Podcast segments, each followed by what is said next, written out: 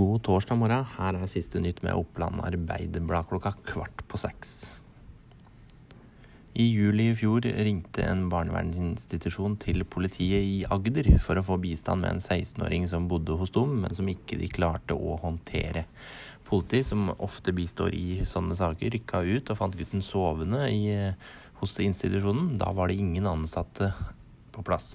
Politiet tok med gutten eh, inn, men i ettertid har det vist seg at ingen ville ta ansvar for denne gutten. Politiet ble sittende med vaktholdet og mener at Gjøvik kommune på vegne av barnevernstjenesten i Gjøvik og Land skal betale regning på 35 000 kroner, som nå er i ferd med å gå til inkasso.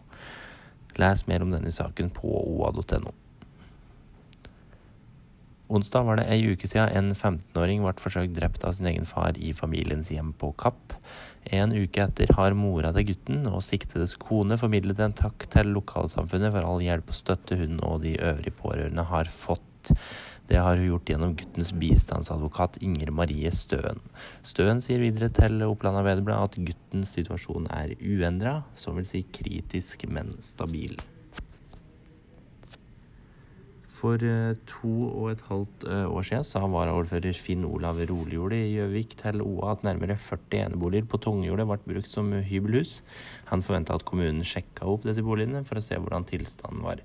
Virksomhetsleder Pål Arne Bustad i kommunen svarer OA nå at dette enda ikke er gjort, og at en ikke kan huske å ha fått en slik bestilling. Bustad forteller videre at kommunen følger godt med på hybelsituasjonen i byen, og følger opp enkeltsaker der de blir kontakta av publikum eller huseiere. Slik sett er flere av sakene fulgt opp, sier Bustad til Loa.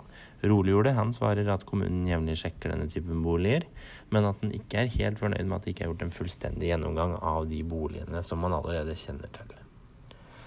Disse sakene og eh, enda mer til kan du lese på oa.no. Klikk deg inn der og få siste nytt fra Vest-Oppland.